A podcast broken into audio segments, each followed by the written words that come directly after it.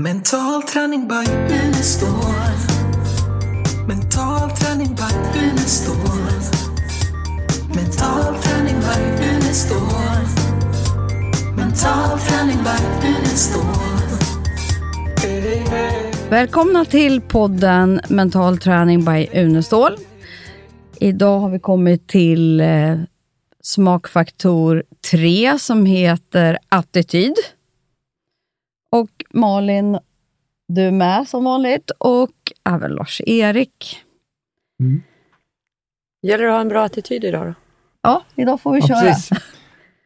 Eh, Det är ju den tredje framgångsfaktorn, attityd och en av förstås de allra viktigaste. Alla fyra är ju viktiga, men attityd är eh, oerhört viktigt, mer än kanske man tänker på. När jag var i USA Eh, som eh, gästprofessor på några ställen så jobbade jag samtidigt med deras eh, idrott och märkte hur, hur mycket man betonade attityden. När jag var med till olympiaden då med deras lag 1988 i Seoul så sa han som var ledare för, för deras olympialag, han, han sa, vet du vad som är de tre viktigaste sakerna för att lyckas som idrottare? Eh, nej, sa jag. Jo, den första faktorn det är attityd. Och den andra faktorn det är attityd. Och den tredje faktorn det är attityd. Ja. Och det var ganska typiskt då att man betonade det så oerhört mycket. Och eh, ja, Jag bara tänkte, hur vill du, hur vill du eh, definiera attityd? Ja. attityd är ju, på engelska säger man sätt, det har då att göra med eh, man kan säga inställning, eller jag brukar säga att det är hur man tolkar livet. Eh, livet är ju en tolkning och eh, den eh, tolkning man har, har ju med den attityd som man har då till saker och ting. Och det har ju med, med att eh, attityd gör att man väljer ut vissa saker utav all den information som strömmar emot mig. Varje sekund så finns det miljoner av informationsbit som är möjliga och eh, utav dem så är det bara en liten, liten del som når min hjärna. Och vad är det då som tar bort eh, och som gör att det som kommer till eh, hjärnan hos en människa kan vara helt annorlunda än det som kommer till en annan människas hjärna, trots att man är med om samma sak. Trots att man är i samma situation så kan man uppleva den som eh, väldigt olika. Och Det här är väl eh, en sak som ligger bakom de flesta konflikter i världen. Därför att den del som når min hjärna, den uppfattar jag ju som riktig. Och är det då så att någon annan människa uppfattat det annorlunda, så är det väldigt lätt att säga att det måste vara fel. Eh, och det har ju både med hur man tolkar saker att göra och det har också med minnen att göra eftersom minnen är en konstruktion. Så det har ju gjort att eh, det, när man talar om eh, vilken verklighet som en människa har, så upplever man ofta att den verklighet jag har, det är den sanna verkligheten och det, det som eh, andra har som skiljer sig från det, det, det är icke sant. Och eh, därför är det så viktigt att förstå att det finns egentligen ingen sann verklighet i sig, utan det blir en individuell verklighet. Eh, och Det innebär ju då också att vi, har, vi kan göra väldigt mycket åt eh, vår verklighet. Vi kan skapa en verklighet som, som blir den bästa för mig genom att vi jobbar med attityden. Så om vi tittar på det som eh, du också var inne på, Helene, det här med, med eh, de olika system, filter, som gör att eh, människor då med olika filter uppfattar saker på väldigt olika sätt. Ja, vi har ju olika, precis som du säger, vi tolkar saker på olika sätt. Och ibland kan vi ha varit på ett och samma ställe och vi prat, och skulle fem personer beskriva den händelsen eller det, den festen eller födelsedagen så skulle vi alla göra det väldigt olika. Mm. På grund av att vi har olika eh, kommunikationsfilter som gör att vi sorterar all information som vi tar in på olika sätt. Mm. Och lite grovt så har vi ju våra sinnen som är ett filter. Och sen har vi ju andra kommunikationsfilter som att vi generaliserar, förvränger och utelämnar information också. Som är viktiga filter. Och sen har vi allt som vi har varit med om, hela vår erfarenhet, eh, hur vi är uppfostrade, vart vi har bott. Alltså allt som vi har varit med om är ju också filter som gör att vi sorterar på olika sätt. Mm. Men det som är det mest, det viktigaste kan jag tycka med, med attityden, jag brukar kalla det vad jag, vad jag väljer att ha för mindset. Mm. Det är ju att det går att träna det mindset som du vill ha och som fungerar bäst utifrån olika situationer och vilket resultat du vill ha. Mm. Så det är liksom inte hugget i sten. Utan, Och det här är ju egentligen otroligt viktigt som förälder, som lärare, eller när vi tänker på våra barn. Inte bara i idrott, tänker jag om. Jag tänker liksom i en vanlig vardagssituation, beroende på hur, hur, eh, hur ser jag, vad har jag för mindset? Om vi säger eh, till exempel att eh, ett barn spiller ut någonting. Eh, Har jag mindset att jag blir arg och skäller ut på det här barnet och säger ah, vad klumpig du är och det där var onödigt och nu får du torka upp och så här. Eller har jag mindsetet att oj då, det där var lite oturligt. Ja, nästa gång kan du ställa dig lite längre in på bordet så kommer det gå bättre. Det är liksom beskrivning på olika mindset och det här kan man göra både i det stora och i det lilla och få till en så mycket bättre tillvaro. Mm. Jag brukar i, i kurserna då, när man tittar på vad som styr beteendet, dela upp det i två delar. Det som styr beteendet innan eh, beteendet kommer, det vill säga mindset, och det som styr beteendet efteråt, det vill säga feedback. Så jag brukar ha mindset på ena sidan och feedback på den andra sidan om beteende. Och tittar man då på mindset så brukar jag, eh, för att klargöra vad mindset är, så brukar jag låta dem eh, gissa eller eh, hitta på faktorer i mindset utifrån bokstäverna mindset. Mm. Och eh, på M så kommer naturligtvis Mål. ja, mål och motivation och minne kommer in där också. Eh, På I, vad kan komma där? Insikt, kanske? Ja. Och eh, in, intention, Ja. intresse. Mm. Eh, är man gravid så ser man barnvagnar överallt. Så intresse styr Ja, den här yes. perceptionen. Då. Eh, en eh, har de lite svårare med, men ofta kommer det här med nuläget. Alltså det läge man har i nuet kan styra eh, beteendet också. Mm. Och den sinnesstämning man har i, i nuet. Det förstås, det blir ja, det vanligaste är väl drivkraft. Mm. Eh, och S, där finns det mycket självbild och det här selektiv perception är en annan. Så E, eh, säger många, erfarenhet. Eh, och säger man det på engelska så kommer ofta expectation, alltså förväntningar. Förväntningar styr väldigt mycket. Vi talar om självuppfyllande profetier och så vidare. Och T eh, blir ofta till exempel tro. Mm.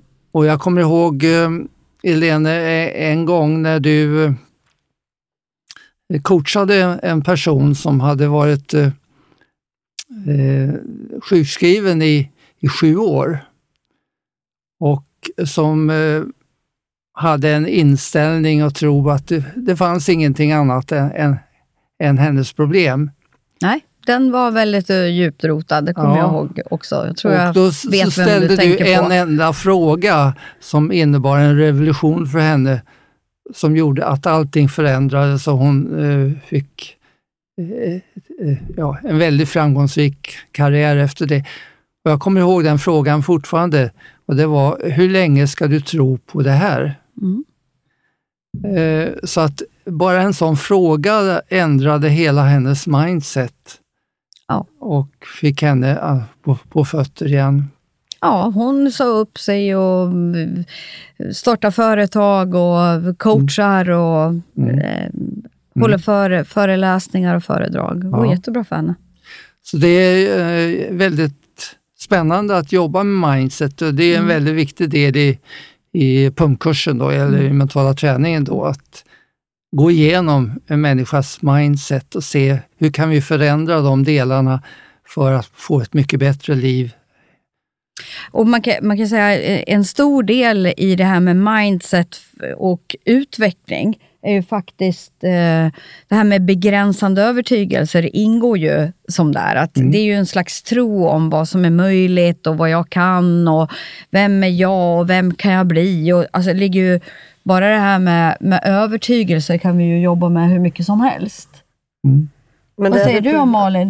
Nej, men jag tänker på det du sa. Det, det kan ju också bli en eh, process där man blir rätt irriterad. När, man, när en sån fråga träffar så rätt så blir det nästan jobbigt att man har gått med den här sanningen så länge och så sedan kan man någon slå hål på den så fort att då liksom ta till sig det. Det blir ju jättesvårt. Alltså hon sa ju själv efteråt, så sa hon så här, för hon har ju pratat om det här, att alltså den där frågan, det var som att få en smäll på käften. Liksom. Det var som att det bara, det bara hände saker i hjärnan. Det bara öppnade upp sig. Men, ja, men, tro, kan jag tro på något annat? Och kan det påverka mitt liv?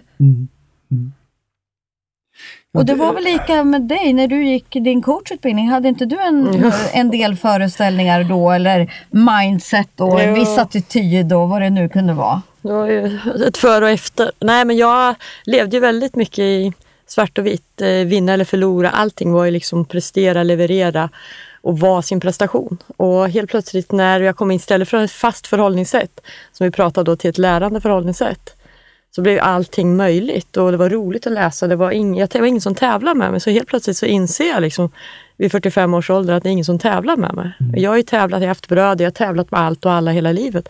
Vad skönt det blev och det blev så möjligt.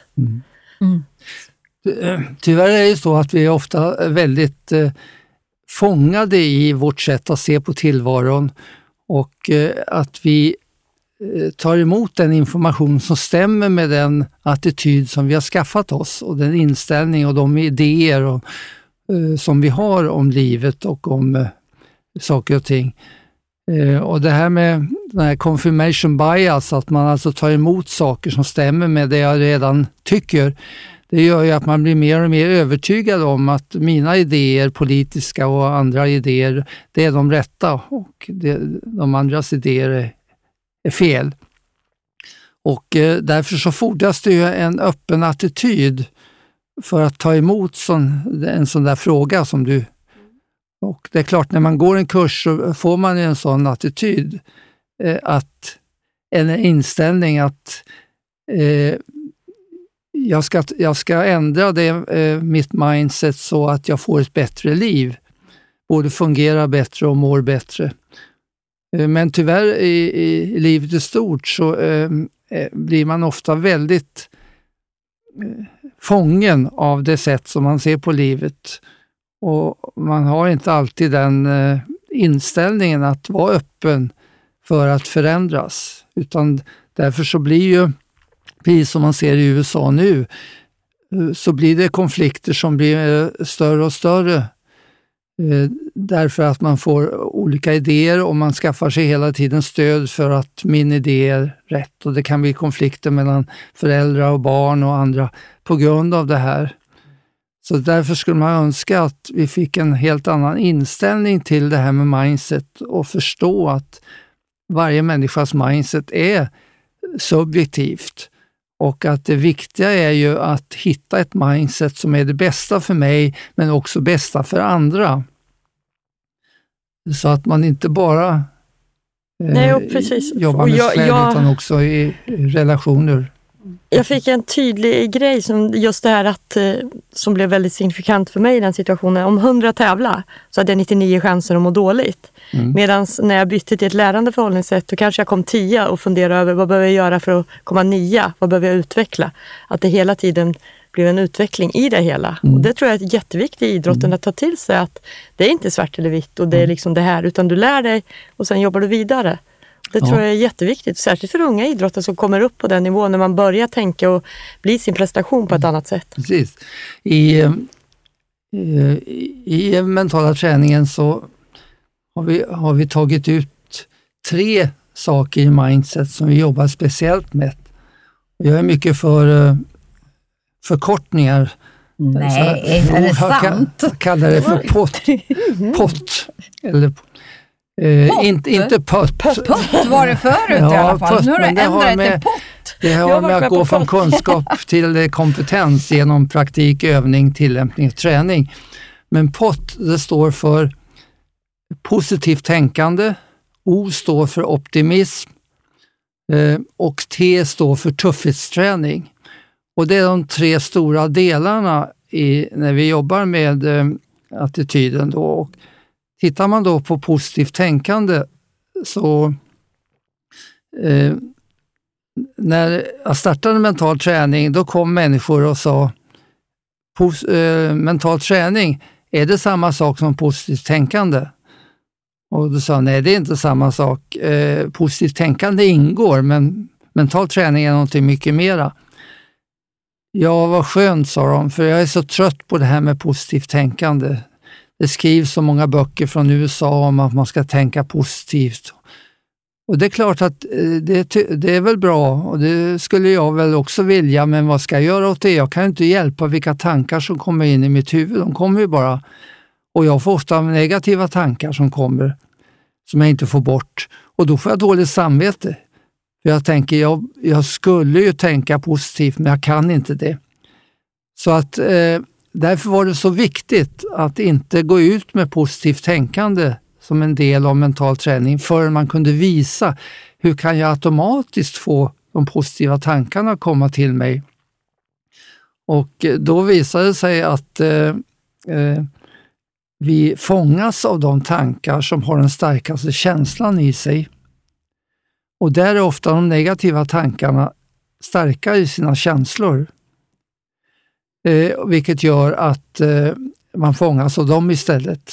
Så en, ett sätt att då få positiva tankar att komma automatiskt, det var att minska den, de emotionella komponenterna i de negativa tankarna och öka det i de positiva. Och där har vi en rad eh, olika sätt att gå tillväga för att få det att hända så att man automatiskt får eh, det positiva tänkandet att komma istället för det negativa. Så det, det, man konkret specifikt gör är att först får jag en insikt. Först tar jag reda på att oj shit, här tänker jag eh, negativt. Mm. Här vill jag tänka annorlunda för det skulle vara bättre för mig och äh, omgivningen. Mm.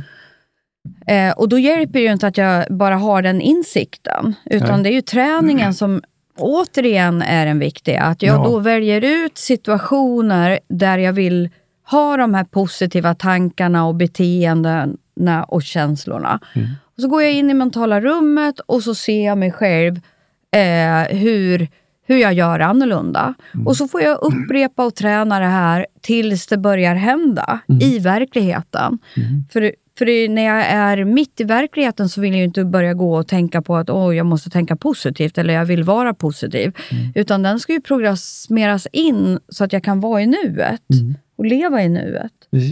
Jag, jag, tänkte på en grej som du sa här innan.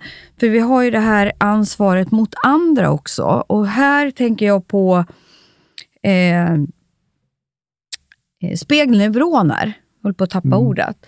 För där är det ju också att om jag påverkar ju andra med min attityd, så jag har ju mm. ett eget ansvar eftersom spegelneuroner fångar upp från andra människor saker från mig. Mm. Och, och det går automatiskt och omedvetet mot, det spelar ingen roll vad vi vill, utan mm. vi gör som andra människor gör. Mm.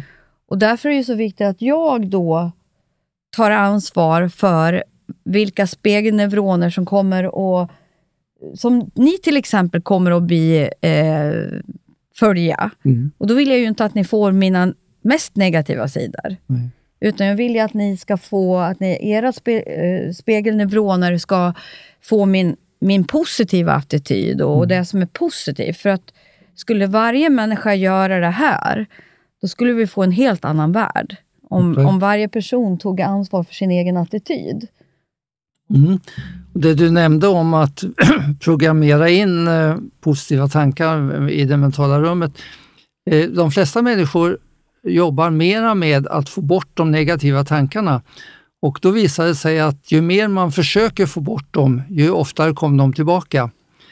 Eh, det är många studier som har visat att eh, ansträngningen att få bort en negativ tanke Mm. gör att den kommer tillbaka oftare och oftare. Så vad lösningen är där, det är ju att inte försöka få bort dem. Att eh, eh, inte motarbeta en negativ tanke utan bara observera den, bara titta på den, men inte ta emot den.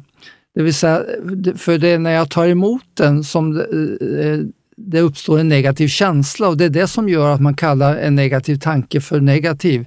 Det är den känsla som uppstår när den negativa tanken kommer. Och kan jag bryta kopplingen mellan tanken och känslan, ja då kommer eh, tanken, den här negativa tanken att tröttna på att komma. Det ska man ju göra precis som du säger, att man använder, skapar sig en trigger som gör att den här negativa bryts. Eller också kan jag programmera in en, ett nytt, nytt sätt att göra i, i mentala rummet.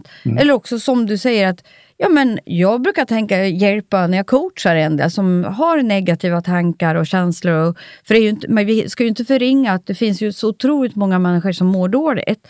Och då kan man ju inte bara säga ja, men det är bara lätt att ändra den tanken. Utan det krävs faktiskt en hel del för att klara av att göra det. Men en bra metod också är ju faktiskt att låt tanken bara komma. Som du brukar ha i den här Orca-modellen. Låt den komma, men låt den bara passera. Precis. Välkommen ångest, låt den bara komma. Jag är beredd. Ska du eller jag vinna? Vi har ju med Och så i, i eh, mental träning har vi med både ACT, Acceptance and Commitment, Ja. eh, och också mindfulness ingår ju i mental träning och i, i bägge de två, både ACT och eh, mindfulness, så visar det sig att kan man, kan man bara eh, titt, inte motarbeta utan bara titta på någonting Mm. utan att ta emot den. Man har ingen mottagare för Nej.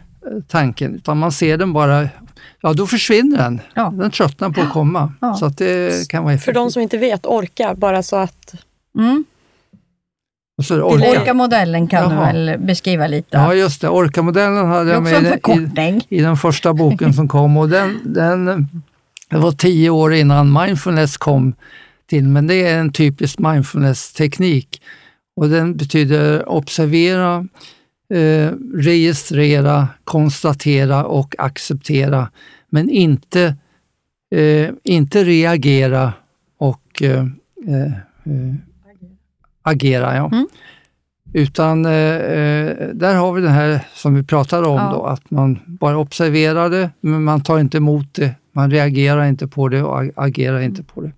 Och då tröttnar det på att komma. Så att vi har både det här med att få bort de negativa tankarna på det sättet och att programmera in de positiva tankarna på det sättet som du sa i det mentala rummet. Mm.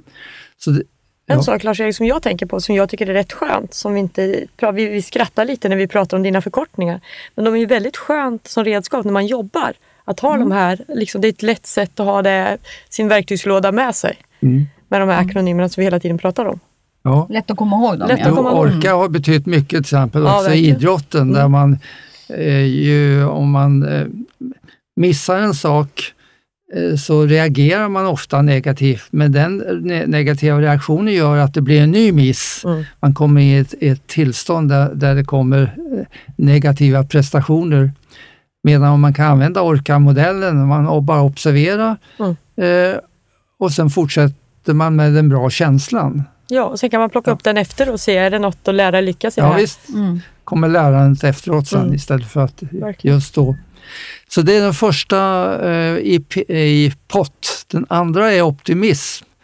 Och det är ett väldigt spännande område som eh, eh, Seligman, när han startade eh, positiv psykologi 1998, eh, som ju blev en förändring för många genom att psykologin tidigare har varit kallad negativ psykologi, jobbade med bara, bara eh, diagnoser och, felaktiga saker, men han ville jobba med det som vi vill ha, alltså i den positiva psykologin. Men han hade då innan jobbat med två saker. Han började med det här med, med eh, inlärd hjälplöshet.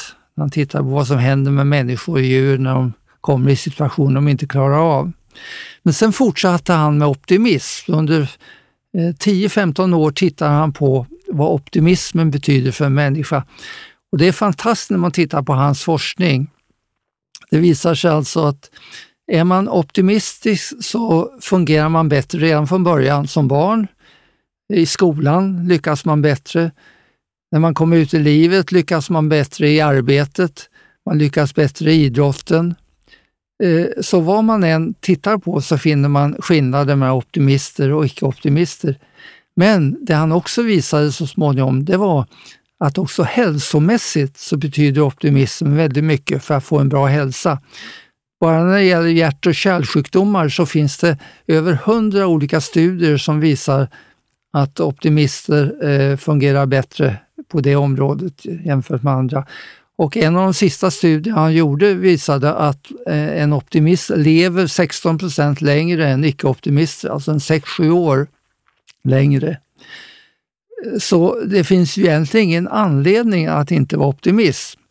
Men då visade han också att eh, eh, eh, vi är... Eh, varför är vi olika där? Ja, det hade att göra med uppfostran. Och han visade då att i USA så hade en människas optimism rätt mycket med mammans optimism att göra. Det vore intressant att göra samma studie i Sverige, för jag tror att här skulle vi få mycket större inflytande av pappan också, än, än det var i USA, vid den tiden i alla fall. Men i vilket fall, det som var, när man visar de studierna, då säger människor, åh vad intressant, från och med nu ska jag vara mer optimistisk. Men det är ganska bortkastat, för en timme senare så kommer man att tolka livet på precis samma sätt som man har gjort det under flera år. Eller från uppväxten. Så man ändrar inte optimismen genom att säga att jag vill bli mer optimistisk. Det är ungefär som man säger jag vill tänka positivt. Det fungerar inte om man bara säger att man vill. Man måste hitta metoder för det. Och där har vi jobbat mycket med att med hjälp av mental träning ändra människors optimism. Och eh, Det är ju en, en gradvis procedur. Mm. Jag tror i pumpkursen nämner vi om en, eh, en advokat som, som skrev att eh, eh, jag började den här kursen utan att säga till någon. Man läser ju den på egen hand. Eh, Men efter några månader så kom personalen in till mig och, och frågade vad är det som har hänt med dig? Ja, vad då, sa han. Jo, någonting måste ha hänt med dig. Har du vunnit på tips eller? Nej, varför tror ni det? Jo, nu har du kommit upp flera månader och öppnat dörren och skrikit Hej glada kontoret, vad har vi för roliga uppgifter idag då? Och det är så främmande för dig så nu måste du berätta. Men han har inte, han har inte märkt det själv. Så när man jobbar med mental träning med optimist, då är det en, en, inte en förändring från en dag till nästa, utan det är en smygande övergång där optimismen växer fram inifrån och blir så naturlig så man kanske inte ens tänker på det själv. Det kommer jag ihåg när jag läste punkt. Att, Mm. att jag tyckte kanske inte att det hände så himla mycket, men när, just i stunden och i nuet. Men när jag började jämföra, att liksom typ när jag hade läst något halvår och så tog jag några situationer. Hur, hur skulle jag ha gjort för ett halvår sedan? Då skulle jag ha reagerat och agera på helt annorlunda sätt än vad jag gjorde i nuet då. Så att det är liksom som en smygande förändring och oftast är det andra som märker det före en själv. Ja, precis. Och, Och det, det- är ju, det är kul. Och du, det är ju lika den, all den vardagsinlärning som ingår i, Mm. Jaha. som man gör varje dag. Det är ju liksom den här dagliga träningen i vardagliga situationer Mm. som, som verkligen är gör förändringen, tror jag. Där går ju coachningen också hand i hand när man flyttar framåt, lösningsfokuserat och liksom, Mm. det Ja, det visar ihop. ju då att det inte är någonting som eh, blir påklistrat utan det är en integrerad förändring i min personlighet som växer fram och blir så naturlig att den, eh, man kanske inte ens tänker på den. Precis som man ser barnen växa upp så tänker man inte på det men träffar man dem en gång om året då ser man att de har vuxit. va. Så att det, eh, det är ungefär samma sak här. Sen har vi den tredje faktorn som är jättespännande och det är tuffhetsträningen, mental tuffhetsträning. Och eh, den eh, har vi ju till och med speciella kurser i, men, men den ingår ju som en väldigt viktig del i, i den eh, vanliga utbildningen i mental träning också. Mm. Och där skulle vi kunna prata flera timmar om det, men väldigt kort så kan man säga att eh, när jag skrev den här boken som heter Mental tuffhetsträning, eh, då, då hade jag tittat på eh, vad är det som gör att en människa blir tuff och ordet tuff är positivt i det här fallet. Det är orädd och våga. Mm. Det har inte med den negativa tolkningen av tuffhet att göra utan det har med den positiva tolkningen att göra. Eh, och jag hade sett då att eh, Eh, människor som har det väldigt enkelt i livet utan problem, de blir sällan starka. Tuff, mental tuffhet är ungefär samma som mental stark styrka. Eh, utan eh, de som lyckades bra, de som var talanger i idrotten blev sällan någonting, till exempel. Väldigt liten relation mellan tidigare resultat och senare resultat. Det gick för lätt. De som lyckades bra i skolan eh, eller hade eh, bra betyg och så, blev inte alltid det som man trodde de skulle bli. Och eh, där hade då, har då eh,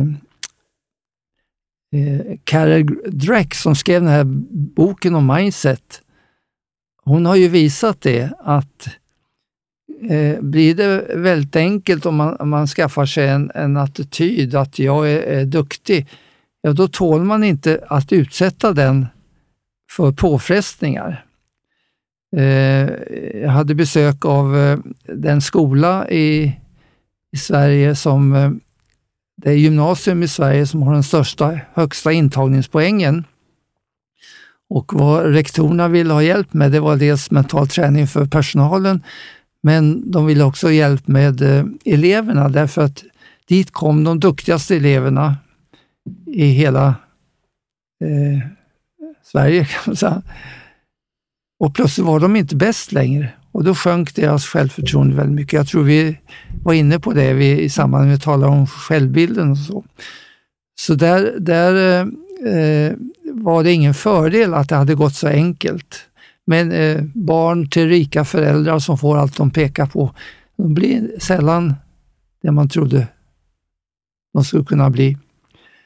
Och eh, det omvända då, som jag tror vi kanske har nämnt om, det var ju att eh, de som har det svårt och har problem och lär sig tackla det, de blir ofta väldigt starka. Jag, tog, eh, jag har tagit exempel från eh, till exempel eh, eh Ben Furman som jag jobbat tillsammans med, som eh, finländske psykiatern. Där vi hade ett, ett tv-program i Finland på 90-talet där han frågade finska folket, eh, ni som haft en svår barndom, då kan ni höra av er till mig. Och det visade sig att många av dem hade ett bra liv idag och när han frågade hur, hur det kom sig sa de, det är inte trots eh, min svåra barndom utan tack vare min svåra barndom.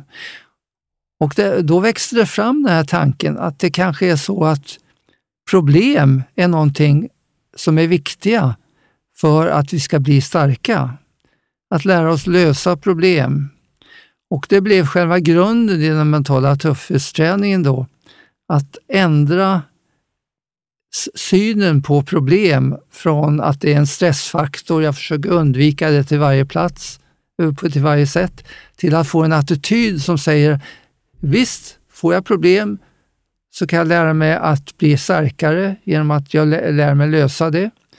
Och Det gör att man varje kväll då får, eh, när man gått igenom mental tuffhetsträning får fråga sig vad är det som har hänt idag som har gjort att jag blivit starkare som människa?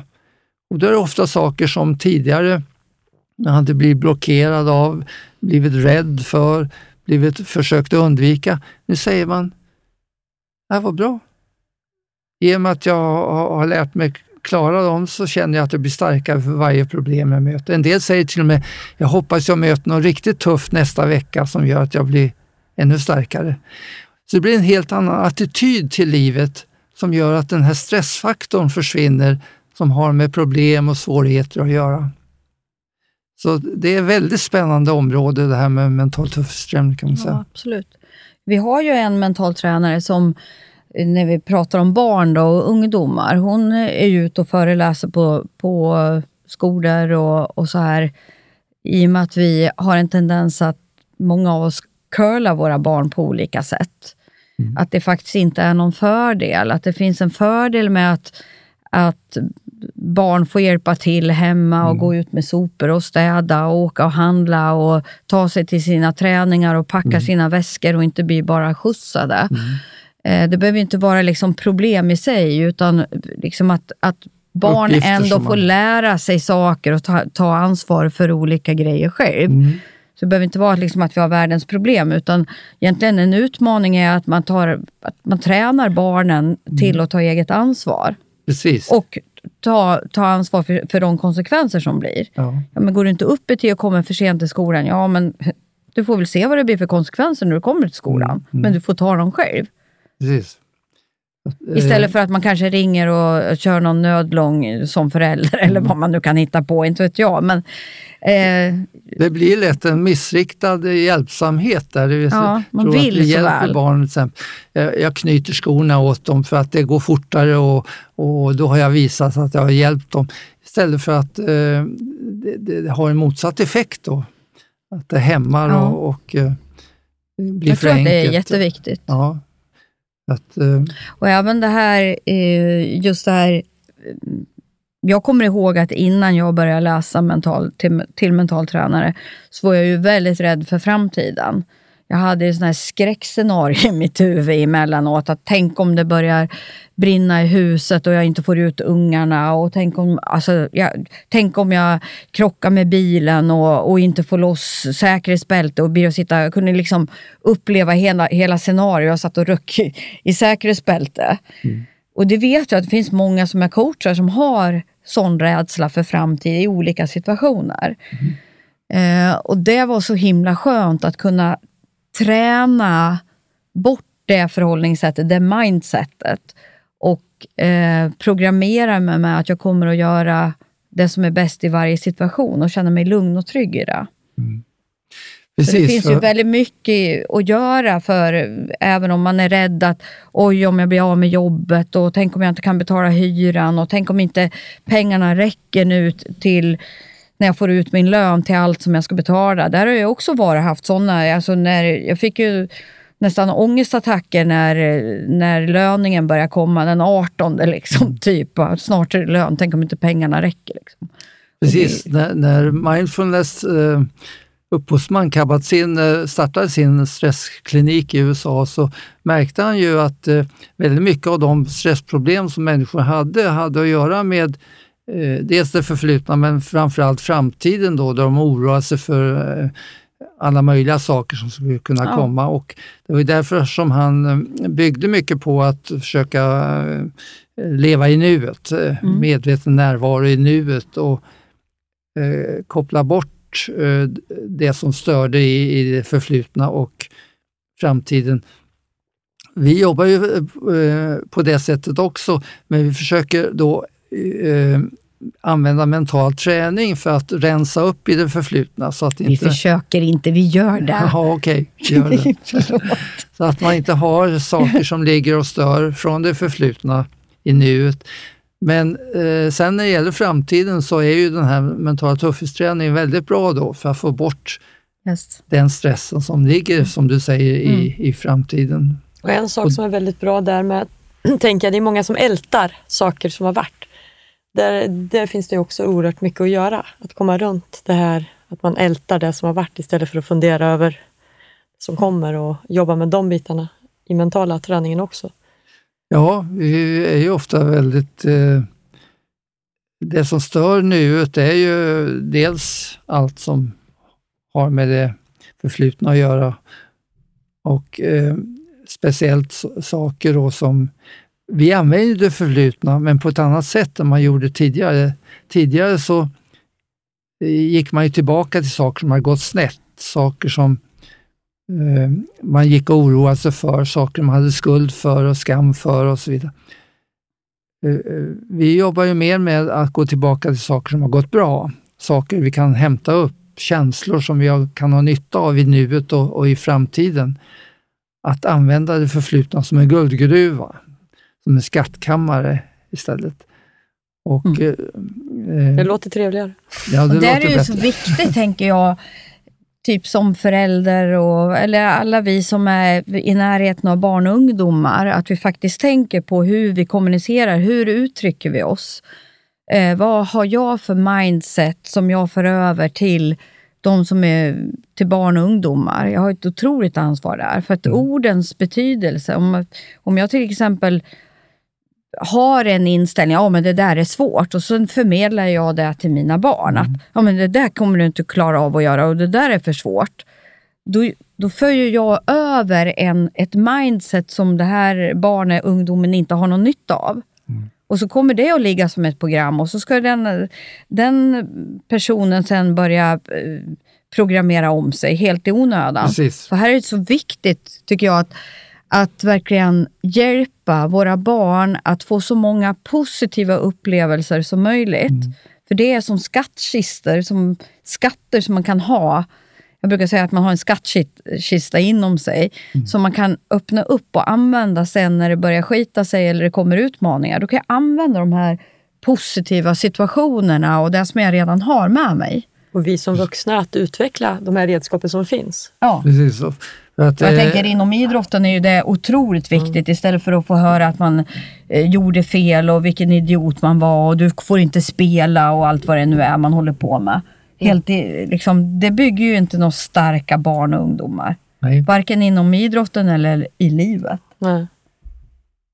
Men där är ju då föräldrarnas, eh, det man har överförts från föräldrarna oerhört viktigt för att Ja. motverka då andra människors eh, Ja, negativa inflytande.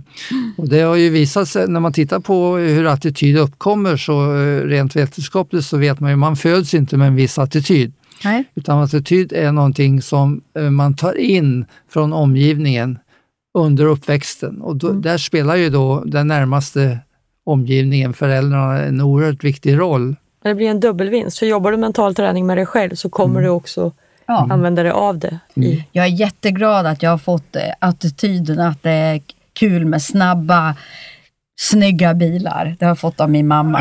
Ja, det kan man ju diskutera då. Ja, Ja, det har ju... Vissa saker har ju negativa konsekvenser ekonomiskt till exempel. Ja, ja.